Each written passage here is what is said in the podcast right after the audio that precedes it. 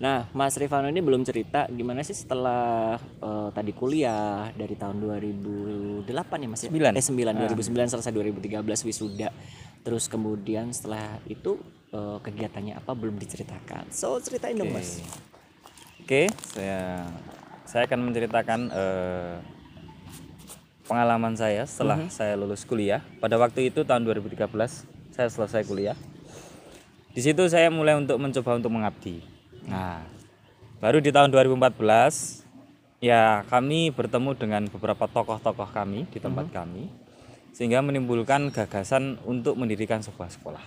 Nah, di situlah mulai awal karir pendidikan saya saya curahkan di masyarakat. Eh, sebelumnya di daerah mana? Sama di kampung halaman saya, Hmm? di daerah pinggiran Karanganyar tepatnya ya, di kaki Gunung Lawu, tepatnya di Jenawi. Di Jenawi Karanganyar. Nah, ini untuk warga Jenawi nih ada pemuda berpotensi nih. Terus gimana, Mas? Ya, memang setelah itu perlu proses selama satu tahun prepare untuk persiapan, untuk mematangkan konsep yang harus diterapkan itu kami butuh satu tahun sehingga pada tahun 2015 kita sudah action untuk mendirikan sebuah sekolah. Hmm.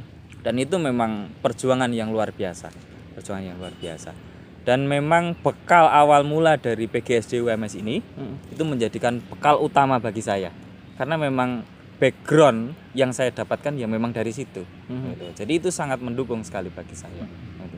Oke, nah bekalnya akhirnya bersama dengan beberapa tokoh di daerah eh, Jenawi khususnya Ya. itu eh, berbicara untuk eh, gimana sih kalau kita membuat yang namanya sekolah dasar Sekolah, gitu ya. oke. Nah, bang, selain kan itu pasti ada latar belakangnya nih mas. Mm. Akhirnya ber- bersepakat untuk bikin yang namanya sekolah, dasar Sekolah, itu. ya. Nah, yang melatar belakangnya apa sih mas?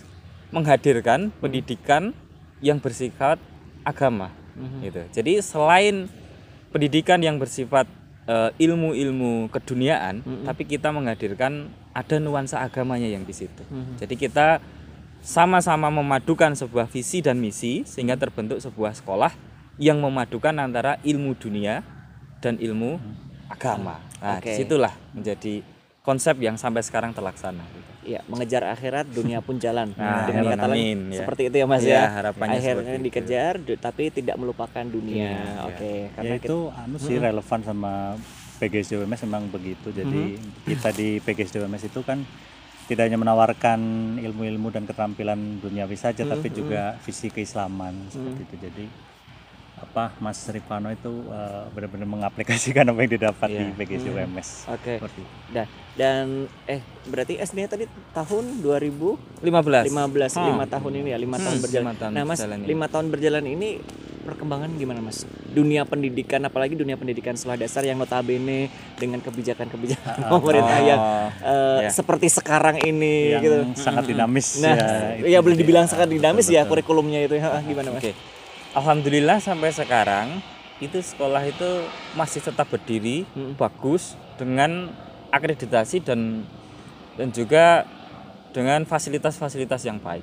Dulu pas waktu saya mengajar itu saya baru ada gedung yang sifatnya pinjam. gitu. Tapi sekarang sudah berdiri kokoh, dua lantai malah itu. Sekarang malah dua lantai. Dan alhamdulillah juga eh, mengingat perkembangan pendidikan yang sangat dinamis dan berubah-ubah setiap waktu ini, kami bisa menyikapi dengan bijak, kemudian bisa mengikuti peraturan pemerintah, sehingga alhamdulillah tahun ini adalah tahun ke-6 kami dan awal pertama murid kami ini sudah masuk di kelas 6. Hmm, Nah, oke, alhamdulillah baik. muridnya sudah mencapai ratusan. Luar gitu, biasa. Hampir ratusan. Hmm. Jadi setidaknya kontribusi sekolah itu sangat membantu di lingkungan kami. Itu satu-satunya sekolah yang berbasis agama, khususnya di tingkat sekolah dasar di kecamatan kami. Oke. Oke, SD apakah itu boleh? SD Muhammadiyah Darul Falah. SD Muhammadiyah Darul Falah. Jadi tahun ini mau pertama kali meluluskan ya. Ya, tahun ini insya Allah pertama kali meluluskan. Oke, Mas berbicara tahun 2015 ibaratnya Mas Revano ini kan babat alas ya. Ya, Di babat SD alas. tersebut babat Hmm, alas. ya. Dan ini sudah masuk tahun ke-6. Tahun ke-6. Gimana Mas perasaannya melihat perjalanan dari tahun ke tahun Ah. sebagai eh, yang dulu mungkin terbayang nggak sih Mas mau bakal ada SD gitu yang mana waktu Hmm. zaman kuliah dulu. Tidak terbayang sama sekali ya. Ah. Tapi memang keadaan dan mungkin ini kesempatan gitu Hmm. ya. Dan mungkin ini kesempatan. Jadi rasa yang di, hadir di situ itu memang adanya berani berjuang dan berdarah-darah gitu. Mhm, mhm, Untuk mendirikan sebuah sekolah itu tidak hanya dibutuhkan sebuah pemikiran, mhm. tapi dibutuhkan sebuah manajemen. Ada juga tokoh yang di belakangnya, kemudian ada juga eh, mungkin materi yang harus kita keluarkan, pengorbanan waktu, pikiran, itu memang jadi prioritas gitu di situ. Jadi semuanya itu menjadi sebuah hal yang perlu dipadukan untuk mensukseskan itu gitu. Mhm, Oke. Dan sekarang Mas, rasanya gimana Mas? Melihat Rasanya hmm, tak ya terungkapkan. itu ya luar biasa luar biasa. Alhamdulillah luar biasa.